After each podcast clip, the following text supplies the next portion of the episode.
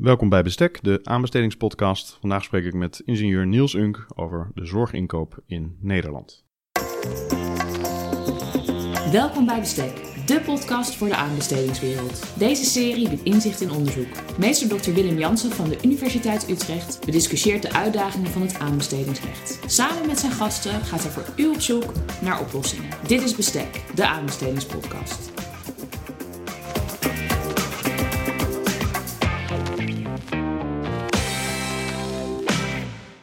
Inkoop van zorg door gemeenten blijft het nieuws halen. Budgettaire tekorten, geen ruimte voor maatwerk, de aanbestedingsregels knellen. En dat kan nog wel eventjes doorgaan. Duidelijk mag zijn dat dergelijke discussies onderdeel zijn, of wellicht het gevolg van grootschalige veranderingen in het Nederlandse zorglandschap sinds 2015. Sinds dat jaar zijn gemeenten verantwoordelijk voor de jeugdzorg, de ondersteuning aan volwassenen en ouderen met een ondersteuningsbehoefte. En we hebben het dan over de decentralisaties door middel van de wet maatschappelijke ondersteuning, de jeugdwet en de participatiewet. Nou, het gevolg daarvan is dat veel van de zorg momenteel door gemeenten wordt ingekocht.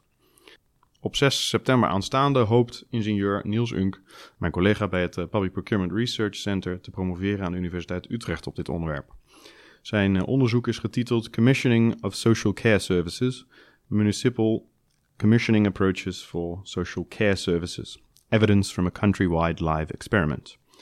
Zijn onderzoek bespreekt het thema opdrachtgeverschap in het sociale domein vanuit drie perspectieven. Een bedrijfskundig perspectief, en dan vooral met een focus op de inkoopmanagement, een juridisch perspectief, aanbestedingsrechtelijk, en uh, bestuurskundig perspectief.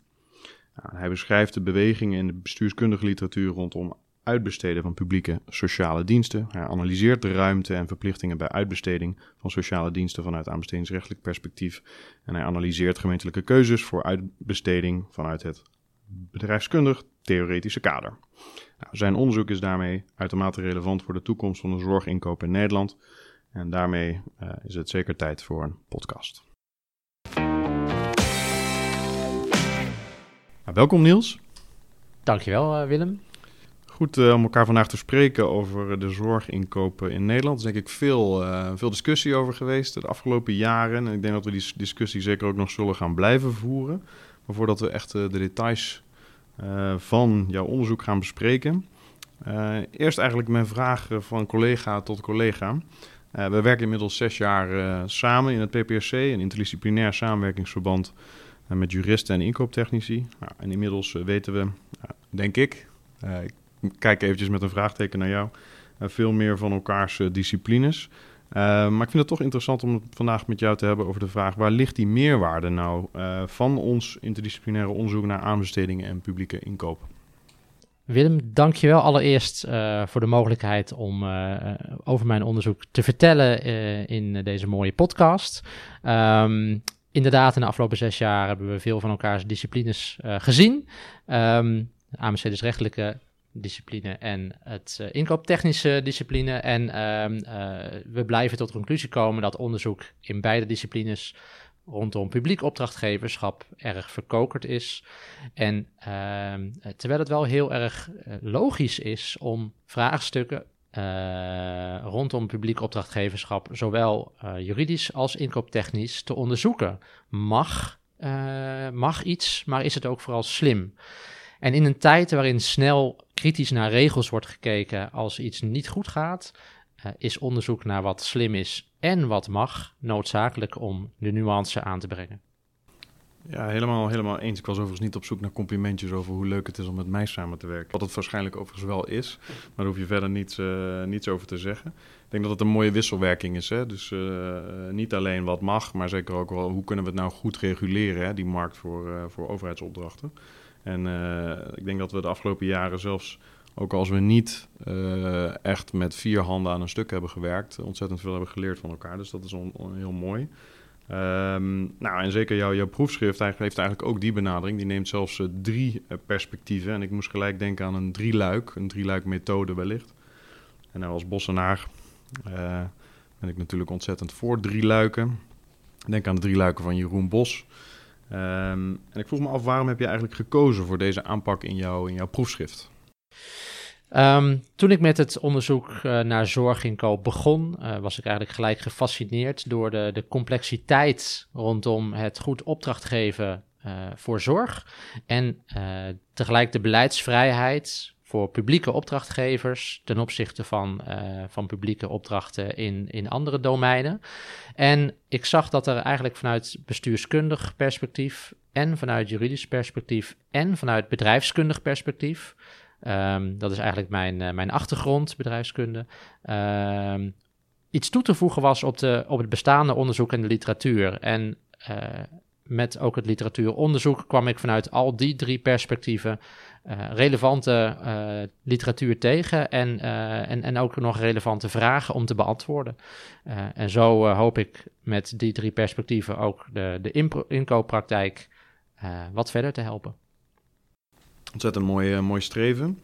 Um, laten we dan afspreken dat we die drie luiken van Jeroen Bos misschien ook als leidraad van deze podcast kunnen, kunnen gebruiken. Dus uh, om dan maar gelijk bij mijn pakje aan te starten, het juridische, juridische luik. Als ik in jouw proefschrift ehm, in hoofdstuk 3, ehm, als ik dat lees, dan concludeer je eigenlijk dat er veel discretionaire ruimte is voor gemeenten om zorginkoop vorm te geven. zowel binnen als buiten de uh, Europese richtlijnen en de aanbestedingswet 2012. Um, ehm, nou, zeker in de afgelopen jaren zijn er aardig wat juridische ontwikkelingen geweest. Um, ik denk dan bijvoorbeeld aan de Dr. Valk en Tirkonen uitspraken over open house. En de vraag uh, die ik voor jou heb, in algemene zin denk ik, is, en zeker als we die bosse drieluikgedachte in, uh, in ons achterhoofd houden, is nou het recht in de zorginkoop in Nederland, is dat nou de hemel of de hel?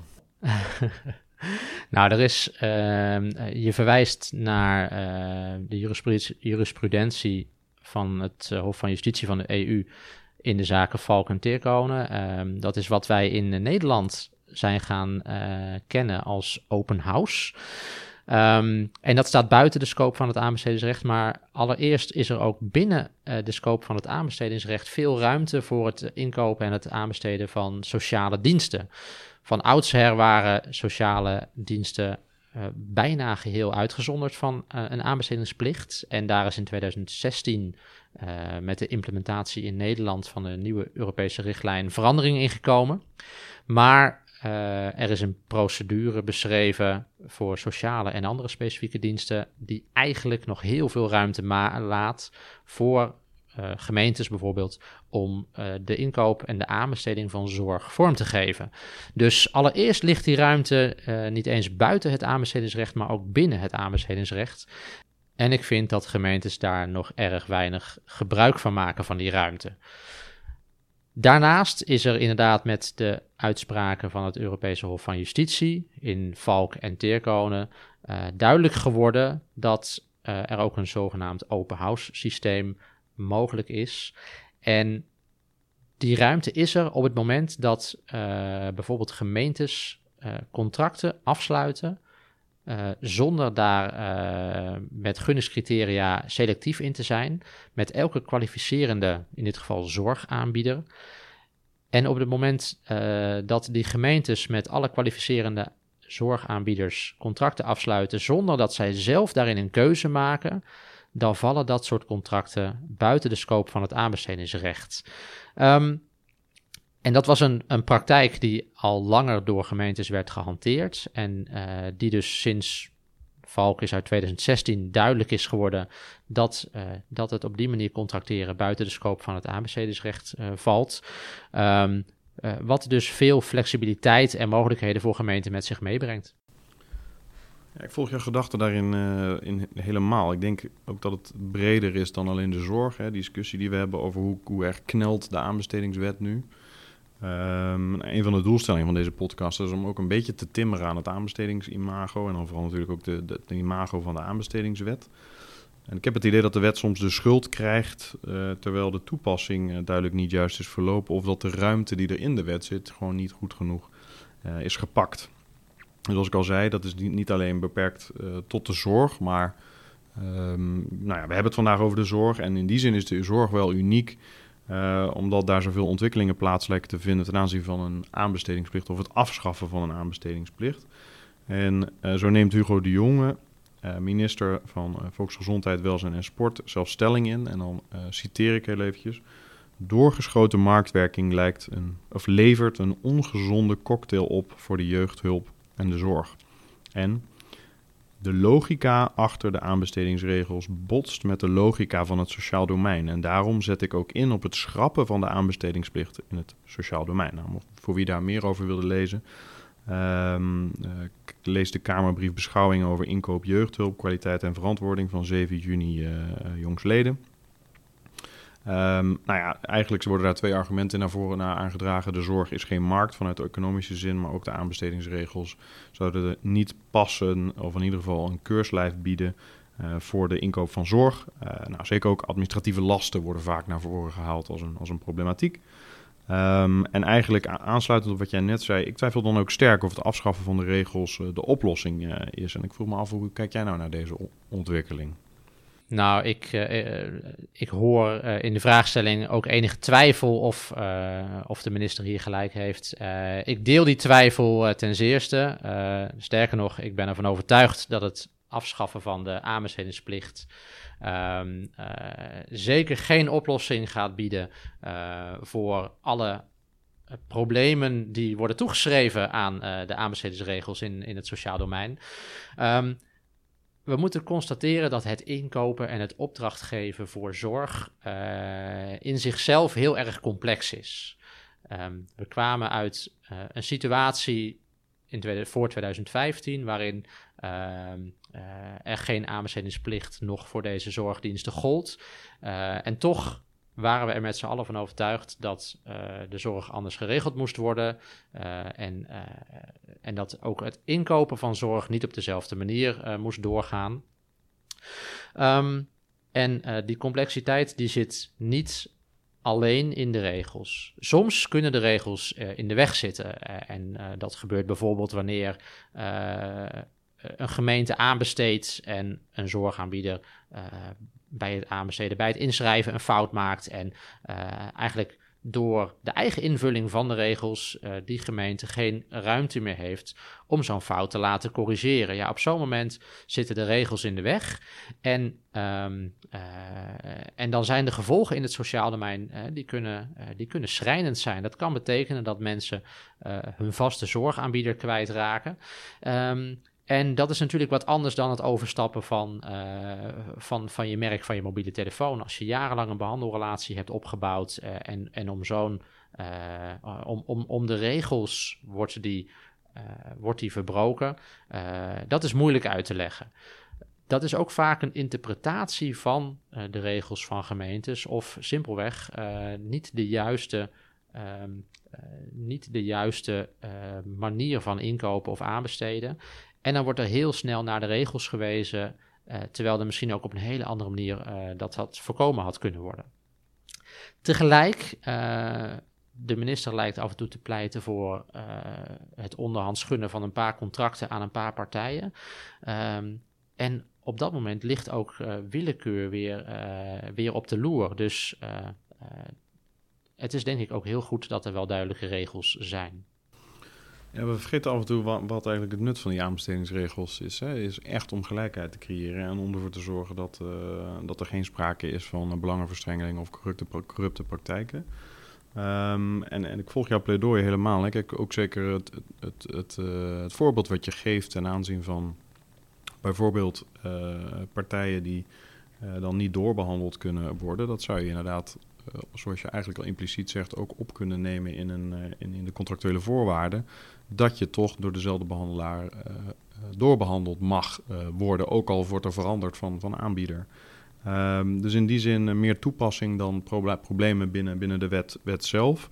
Dus ik denk dat je echt wel vraagtekens kan stellen bij de koers die er nu momenteel gevaren wordt vanuit, vanuit het ministerie op dit vlak. Ik denk dat we daar zeker ook in de toekomst nog wel wat van, van zullen gaan horen, of dat nou in Europa is of in, in, in Nederland. Uh, maar even terug naar, jou, naar jouw onderzoek. Ik denk dat dit, deze discussie overigens alleen maar laat zien hoe relevant het momenteel is wat, je, wat je hebt geschreven. Um, toen ik die, de, de bestuurskundige literatuur las, of eigenlijk zijn we nu aanbeland bij het bestuurskundige luik, toen kwam je tot de conclusie dat er veel aandacht is voor de make or buy decision. De beslissing om zorg in of uit te besteden. Gaan we het zelf doen of laten we het aan de markt over? En je beschrijft dat er twee kampen zijn. Zij die pleiten voor in-house uitvoering omdat zorg niet geschikt is om uit te besteden. En zij die pleiten voor uitbestedingen omdat de kwaliteit en de kosten, omdat dat de kwaliteit en de kosten niet ten goede zou komen. Um, en in Nederland is het inbesteden van zorgtaken uh, natuurlijk bij gemeenten nog geen gebruikelijke benadering. toen ik dat las, of in ieder geval, ik zag het wel, maar ik zou het mooi vinden, zou je het nog kunnen uitlichten. Wat, wat, wat voeg je nou toe met je, met je analyses in je proefschrift aan deze discussie, die je eigenlijk al heel wat decennia woedt. Ja, nou, dat, die laatste constatering, die, is, die, die is correct. Um, als je de bestuurskundige literatuur ten aanzien van sociale diensten bekijkt, dan, dan woedt er al jaren, al decennia, een discussie of je die diensten wel moet, moet in- of uitbesteden. En dezelfde wetenschappers schrijven twintig jaar achter, achtereen artikelen om hun standpunt te verdedigen. Um, en wat ik daar eigenlijk op wil toevoegen, die, die literatuur, die neemt eigenlijk een perspectief van je moet wel of je moet niet uitbesteden. En zonder in ogenschouw te nemen op welke manier je kunt uitbesteden. En, um, dus je pleit eigenlijk voor nuance van het debat, begrijp ik dat? Ja, ja. Het, uh, het is eigenlijk, uh, eigenlijk heel wonderlijk dat, uh, dat in dat hele debat niet is meegenomen dat je zorg natuurlijk op heel veel verschillende manieren aan een markt of aan externen kan overlaten. Um, en juist in mijn proefschrift laat ik zien dat Nederlandse gemeentes uh, op heel veel verschillende manieren wijzen dat opdrachtgeverschap inrichten. Elk met zijn eigen voordelen, elk met zijn eigen risico's en zijn eigen nadelen. Um, maar dat nuanceert inderdaad de vraag van moet je nu wel of niet uitbesteden naar laten we eens gaan kijken als je kiest om uit te besteden. Uh, wat is dan slim uh, en wat is niet slim? En uh, wat kan er en wat mag er? Uh, en om die nuance toe te voegen, uh, is denk ik een belangrijke toevoeging ook aan de bestuurskundige discussie, die waarschijnlijk ook nog wel een decennium zal blijven voortduren. Hoewel de neiging wel is naar uitbesteden. Oké, dus wel uitbesteden. Nou, in die zin uh, is het fijn dat er ook veel, veel gemeenten er zo nog over denken. Want anders was het lastig om je proefschriftenonderzoek uh, te doen. um, daarmee belanden we namelijk bij de kern, denk ik, van je onderzoek. Natuurlijk uh, heb je ook dat juridische bekeken en dat bestuurskundige. Maar ik denk dat de nadruk uiteindelijk toch ligt op dat bedrijfskundige luik. Um, je hebt aanbestedingen geanalyseerd door, nou ja, toen nog de 393 gemeenten in de periode van 2015 tot en met 2018. Uh, nou, gelukkig hebben ze niet allemaal individueel ingekocht, anders was het inderdaad wel een heel erg hels, hels karwei. Uh, maar toch een stevige dataset. Uh, en uh, nou, ik werd eigenlijk getriggerd door een aantal van jou, jouw conclusies. En zelf noem je het een live experiment. Um, en, zo observeer je een brede keuze voor ex-post competitie in de uitbesteding van sociale ondersteuningsdiensten in de WMO. En wat betekent dat? Dat is nou dat er geen concurrentie om een contract is, maar concurrentie in het contract. Dus mijn vraag eigenlijk, wat zijn nou de voordelen van een dergelijke benadering en hoe verhoudt zich dat tot het uh, AWBZ-tijdperk dat daarvoor uh, plaatsvond? Ja, nou, allereerst even over dat live experiment. Uh, mijn, mijn achtergrond is inderdaad de bedrijfskunde. En uh, uh, in, in de bedrijfskundige literatuur is een experiment, en zeker met een hele grote populatie, in de inkoopliteratuur in ieder geval nog niet zo gebruikelijk. En mijn onderzoeksveld met de decentralisatie van uh, de destijds AWBZ naar gemeentes met de invoering van de WMO zorgde ervoor dat alle Nederlandse gemeenten, destijds 393, tegelijkertijd met dezelfde, uh, in principe dezelfde kennis en hetzelfde uitgangspunt op hetzelfde moment in de tijd dezelfde diensten moesten gaan inkopen met een onwijs grote beleidsvrijheid. Ze mochten uh, de WMO is een kaderwet. Ze mogen eigenlijk zelf bepalen hoe ze dat, dat inkopen doen. Uh, en dat doen ze ook op een heel aantal verschillende manieren. En dat maakt het eigenlijk als een soort experiment. Ehm, er is een aantal gemeenten wat eigenlijk de, de, de manier van inkopen vanuit de AWBZ nog een poosje heeft gekopieerd. Dat fungeert als controlegroep. En de manipulaties uh, waar je, bij een experiment spreekt. Hè, dat is de manier van uh, hoe je een inkoopprocedure vormgeeft, hoe je zorg bekostigt, wat voor model van opdrachtgeverschap je, je gebruikt. Um, en dat is echt uniek in, in ieder geval de, de, de, de inkoopliteratuur, dat op zo'n schaal eigenlijk een, een inkoopexperiment plaatsvindt. Wat dus heel interessant is voor, voor onderzoek en waar ook na mij nog wel mensen op zullen kunnen promoveren. Um, en een van de zaken die ik inderdaad constateer is dat heel veel gemeentes open contracteringsmodellen gebruiken, waarbij ze dus alle kwalificerende zorgaanbieders contracteren die, die interesse hebben in een contract. En de gemeente kiest uit die zorgaanbieders niet wie voor Jantje of Pietje de zorg gaat leveren. als Jantje of Pietje recht heeft op zorg of op ondersteuning, dan mogen ze zelf kiezen uit de aanbieders die voor zijn type ondersteuning ge gecontracteerd zijn. Um, in die uitbestedingsliteratuur, uh, ook in, uh, uh, in het bestuurskundige perspectief, is een van de grote voordelen eh, is dat als een cliënt keuze krijgt, dat over het algemeen de kwaliteit en de, de tevredenheid van die cliënten toeneemt. En heel vaak in die onderzoeken is dat een situatie waarin voorheen de overheid bepaalde zorg zelf in eigen beheer uitvoerde. En op enig moment uh, een deel van die zorg ging uitbesteden. En dat is bijvoorbeeld in, in Scandinavië veel gebeurd, waarbij met de decentralisaties daar een deel van de zorg is uitbesteed, terwijl gemeentes soms nog 80% in eigen beheer uitvoeren. En alleen al die uitbesteding, dat er dus een keuze ontstond tussen de gemeente of een externe partij. Uh, daar is heel veel onderzoek naar gedaan dat dat de tevredenheid enorm uh, ten goede is gekomen. Dus de, de perceptie van kwaliteit is omhoog gegaan. Um, in Nederland hadden we natuurlijk al heel lang, ook voordat uh, de WMO werd geïntroduceerd, um, het uitbesteden, een, purchaser-provider split, dus zeg maar marktwerking in de zorg. Um, wat Hugo de Jonge daar ook van vindt. Maar dat hadden we al heel lang in ons systeem.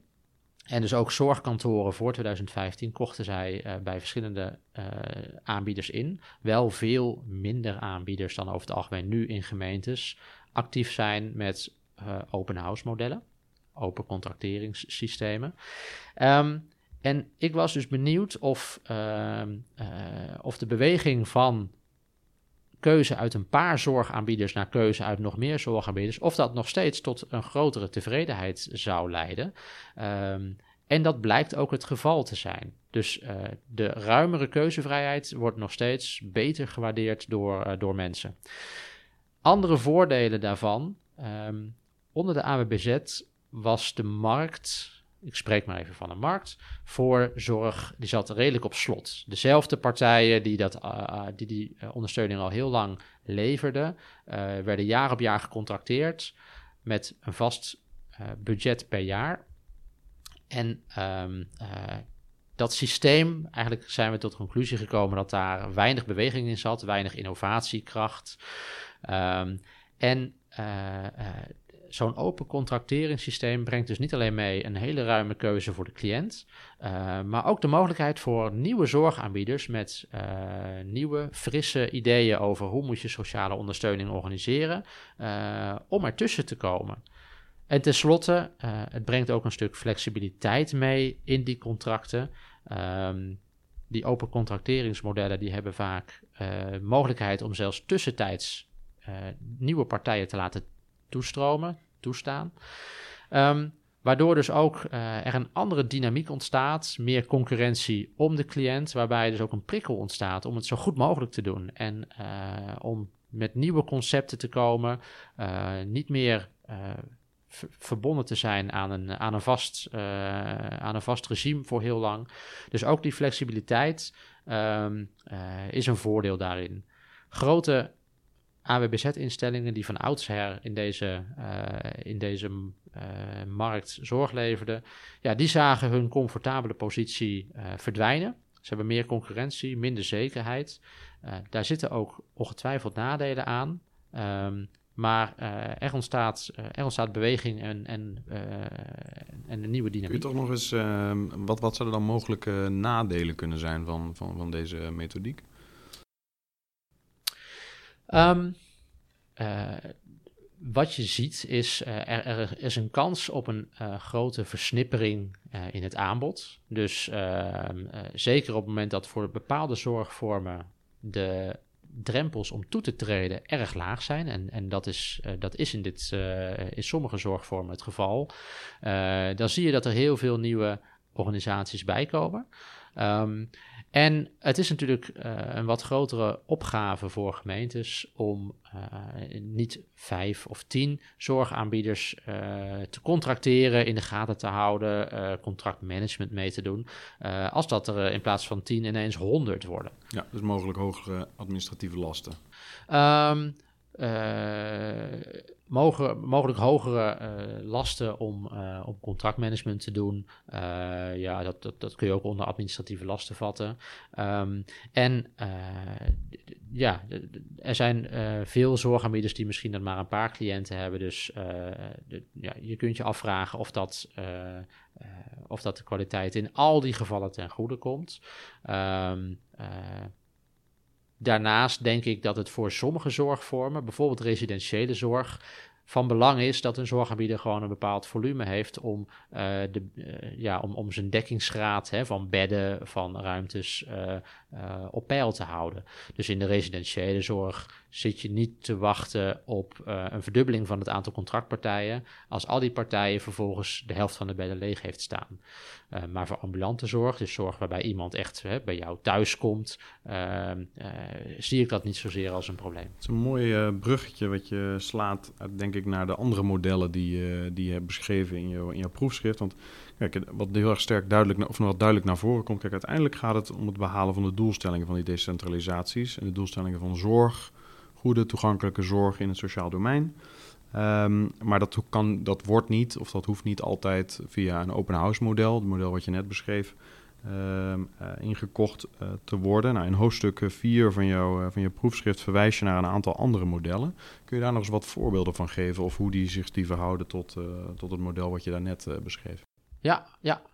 Ja, van oudsher zag je dus dat, dat zorgkantoren uh, eigenlijk een model hanteerden wat we het AWBZ-model, uh, wat ik het AWBZ-model ben gaan noemen, waarbij uh, een beperkt aantal partijen jaar op jaar een contract kreeg met een, met een vast budget of een budgetplafond. Um, en je zag dat gemeentes, zeker in 2015, toen die decentralisatie eigenlijk er net was, dat model nog kopieerden.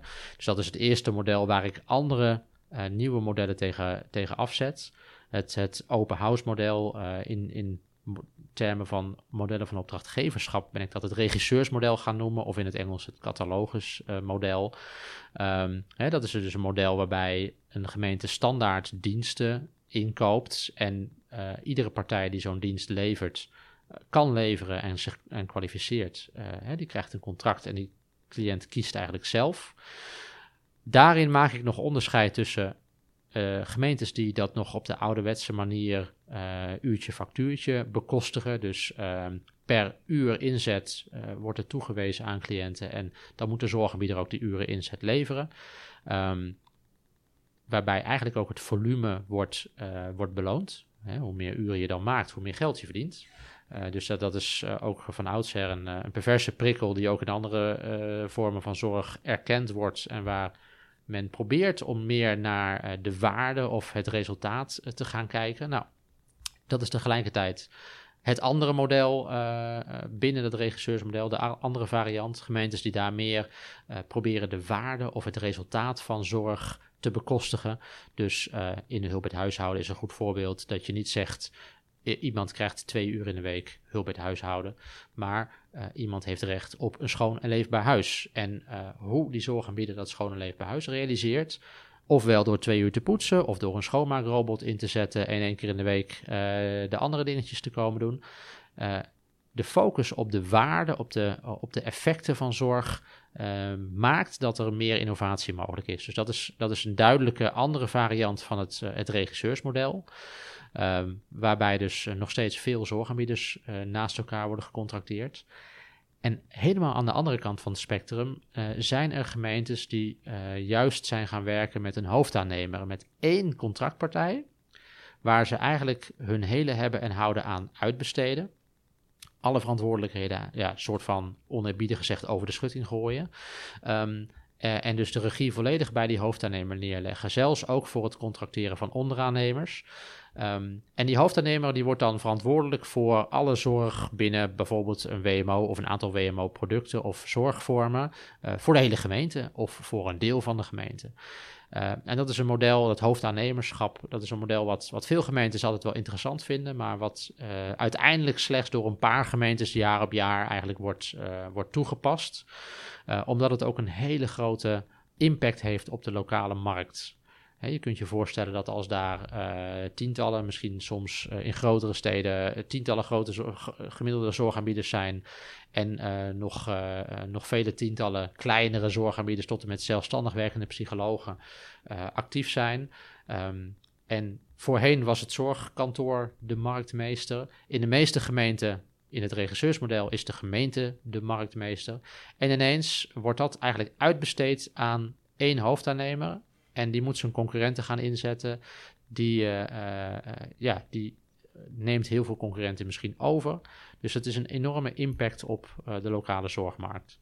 En um, dat heeft heel veel vrijheid voor die hoofdaannemer tot gevolg. En dus hij, kan, hij heeft heel veel ruimte om te doen ja, wat er misschien nodig is. Ook om preventie te gaan doen om te zorgen dat, die, hè, dat er misschien minder mensen uiteindelijk in, in zorg komen. Uh, tegelijkertijd worden gemeentes in, in zo'n situatie ook echt uh, volledig afhankelijk van die hoofdaannemer, want je introduceert eigenlijk je eigen monopolist. Dus grote voordelen en ook grote risico's. Um, Ten slotte is er nog een, een model wat in 2015, wat in 2014 populair leek te worden. En dat is uh, eigenlijk een soort platformmodel waarbij uh, de gemeente uh, vraag en aanbod via een platform, via een website aan elkaar koppelt. dus dat kennen we van Airbnb en, en Uber. Um, nou, in de zorg was dat al geïntroduceerd. en dat heette ooit de zorgveiling. En Daarbij uh, voert de gemeente een keukentafelgesprek en wijst de gemeente iemand toe als die zorg nodig heeft. Uh, de gemeente maakt een, een casusbeschrijving voor iemand die recht heeft op zorg. En zorgaanbieders mogen via een besloten marktplaats eh, eigenlijk kijken of ze die cliënt kunnen bieden wat ze willen, of wat ze hebben. En dan schrijven ze er een plan voor en dan mag de cliënt kiezen voor welke, welke zorgaanbieder wie het beste plan heeft. Dus de cliënt heeft keuze uit de, uit de ingediende plannen. Um, dat heeft heel veel voordelen. We doen het in Nederland al 15 jaar voor de kraamzorg. Elke baby wordt op die manier uh, zeg maar, toegewezen aan een, uh, aan, een kraam, aan een kraamzorginstantie. Daar zitten ook eigen voorkeuren en afkeuren zitten daarin. dus het is iets complexer dan ik het nu beschrijf. Um, veel gemeentes vonden dit interessant, maar het is eigenlijk ten onder gegaan aan,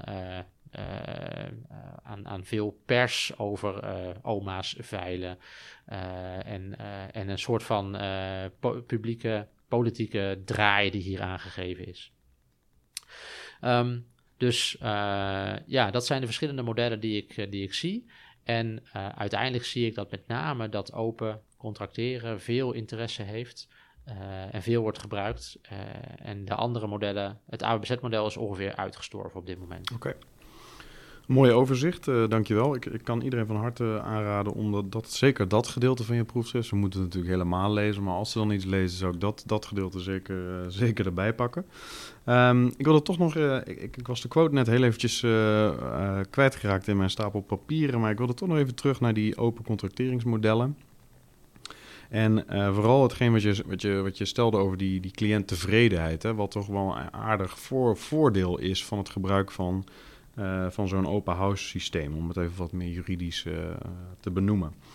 En nou, de reden dat, dat, dat, dat ik zeg is, uh, toen ik ehm, dezelfde Kamerbrief las, die waar ik net al naar verwees, van Hugo de Jonge, um, stond daar eigenlijk het tegenovergestelde in. Dus jouw onderzoeksresultaten concluderen eigenlijk iets tegenovergestelds. Want wat, uh, wat, wat staat er nou in die Kamerbrief? En ik, uh, ik citeer. Maar als je bij de inrichting van een lokaal zorgstelsel keuzevrijheid voor hulpbehoevende inwoners als absoluut en leidend principe hanteert, vul je als gemeente je rol als opdrachtgever veel te beperkt in. Je neemt dan niet de touwtjes in handen, maar legt ze volledig in handen van de individuele hulpvragers en aanbieders.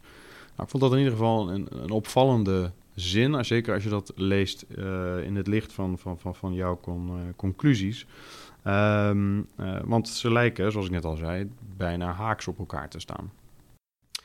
Ja, en ik denk dat de minister hier het een en ander eigenlijk uit zijn verband trekt. Um, gemeentes die een open contracteringsmodel hanteren, ik noem het even het regisseursmodel, die, die zijn zelf marktmeester. Dus die houden zelf uh, in de hand met wie ze contracten sluiten. Het is een misvatting dat bij open house uh, of open contracteringsmodellen uh, ook alleen maar lage kwaliteitseisen en drempels gesteld en gehanteerd kunnen worden. Dus ehm, misschien gebeurt dat wel, maar gemeentes kunnen ook daar echt wel zorgen dat alleen die partijen die echt goede zorg leveren, gecontracteerd worden. Um, dus daar heb je al je eerste uh, mogelijkheid om stevig te sturen.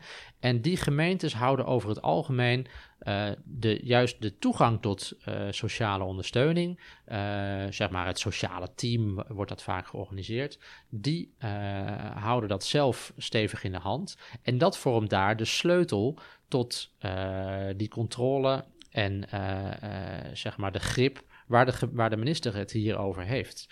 Um, de minister pleit meer voor het uitbesteden aan een selectief aantal uh, aanbieders, maar um, de, de sleutel in, in al die modellen is zeker bij het open contracteringsmodel, bij het regisseursmodel, is zeg maar de toegang. En daar bepaal je wie in aanmerking komt voor welke soort zorg.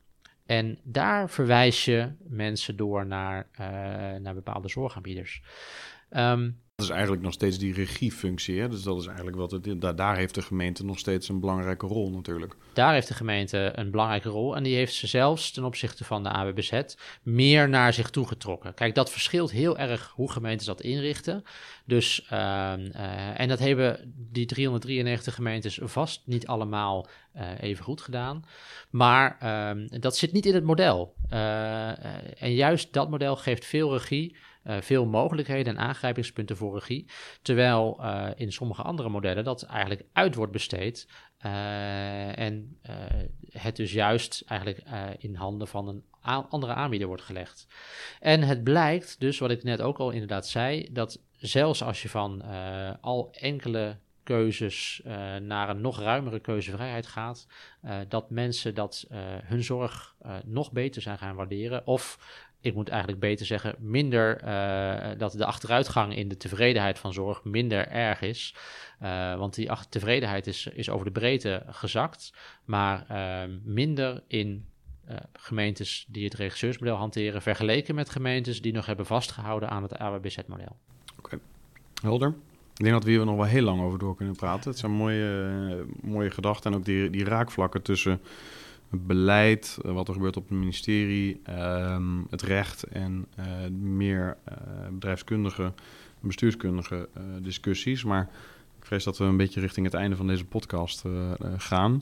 Nu stuurde jij mij een e-mail en toen um, ter voorbereiding van deze podcast en toen schreef je: het gaat om een live experiment waar we, waar we gebruik van moeten maken. En waar mijn onderzoek nog maar het topje van de ijsberg uh, van is. Nou, dat is een ontzettend mooie, uh, mooie vaststelling. Dat betekent dat er nog aardig wat werk voor jou is de komende, komende jaren. Maar als je nu toch al concreet direct uh, de troon mag bestijgen en wat beslissingen mag nemen. stel nou dat je twee of drie dingen mag aanpassen in de wet of in de aanbestedingspraktijk. Wat zou je dan doen? Um, allereerst kijk, met enthousiasme gelijk. kijk, ja, dat is gevaarlijk. Die mogelijkheid, uh, als je die kan aangrijpen. Allereerst ontbind ik het contract van Willem Jansen en dan uh, gaan we verder. Dat, dat, uh, dat sowieso, maar daar heb ik die, dat aanbestedingsrecht natuurlijk helemaal niet voor nodig. nee, um, er zijn in 2016 en 2018 uitspraken door de hoogste bestuursrechter geweest die het resultaatgericht beschikken dus het toewijzen van zorg in termen van resultaat uh, eigenlijk onmogelijk hebben gemaakt. Uh, dat gaat weer over dat uh, bijvoorbeeld het schoon en leefbaar huis in het hulp huishouden. Um, gemeentes zagen dat als mogelijkheid enerzijds om zorg efficiënter en meer rondom de uitkomsten uit te besteden. hopelijk ook om het daar efficiënter en goedkoper mee te maken. Um, maar de hoogste bestuursrechter heeft geoordeeld dat uh, het beschikt krijgen van uh, hulp bij het huishouden, en dat geldt eigenlijk ook voor andere zorg, uh, in termen van resultaat niet voldoende rechtszekerheid biedt, want je weet eigenlijk niet wat je dan, waar je op kan rekenen. Dus de rechter heeft gezegd dat resultaat is prima, maar je moet ook nog steeds horen dat in hoeveel uren men elke week over de vloer komt.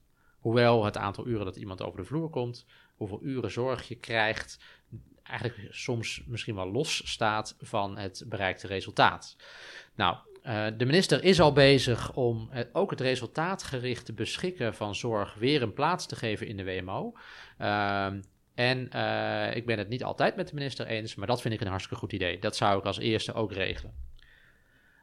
Um, een tweede is dat ik eigenlijk meer duidelijkheid zou willen scheppen over wat kan er bij een open house model. Uh, wat ik al net zei, er, is, er leven veel beelden.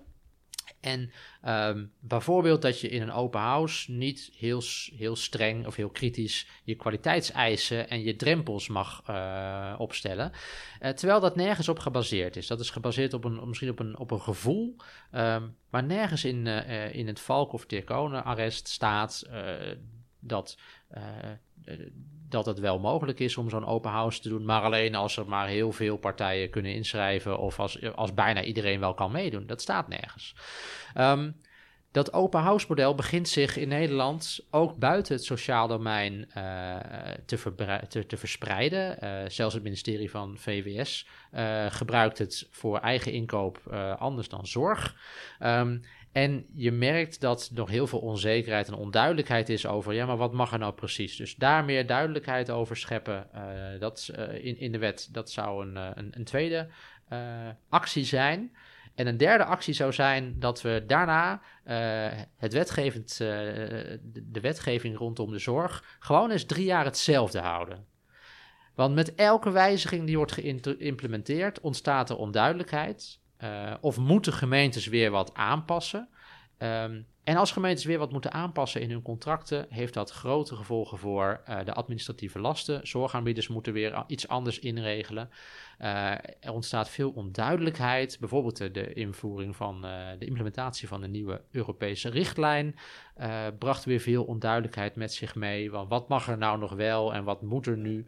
Um, en rust juist op dat juridische kader is heel erg van belang uh, om gewoon eens te kijken wat we nu hebben ingericht, werkt het nou? Want we zijn eigenlijk uh, de regels aan het aanpassen terwijl we aan het voetballen zijn. En uh, nou, ik heb begrepen, ik weet niet zo heel veel van voetbal, daar weet jij ongetwijfeld meer van, maar ik heb begrepen dat dat niet zo'n slim idee is. Nou, bij voetbal is dat zeker niet, uh, zeker niet handig, denk ik. Dus daar zijn we het helemaal eens. Uh, ik dacht eventjes uh, dat 1 en 2 zouden bijten met, met 3, maar dat wist je snel op te lossen door in ieder geval 1 en 2 door te voeren en dan pas nummer 3, dus die rustperiode van drie jaar in te stellen. hartelijk dank voor, jou, voor jouw bijdrage aan, aan, ons, aan mijn podcast vandaag. leuk om elkaar te spreken, ehm, anders dan bij de koffieautomaat of achter ons, achter ons bureau. Um, ik, uh, ik kom da daardoor tot een, uh, tot een afronding. ik heb weer wat mooie suggesties ontvangen van luisteraars over toekomstige ehm, podcast-afleveringen. Dus daar ga ik zeker, zeker iets, iets mee doen. De verplichting om duurzaam aan te besteden, überhaupt duurzaam aanbesteden, is toch wel een kernpunt. En zeker omdat dat goed aansluit bij mijn onderzoeksambities voor de toekomst, ga ik daar zeker, zeker iets mee doen. maar voor nu, dit was Bestek, de aanbestedingspodcast.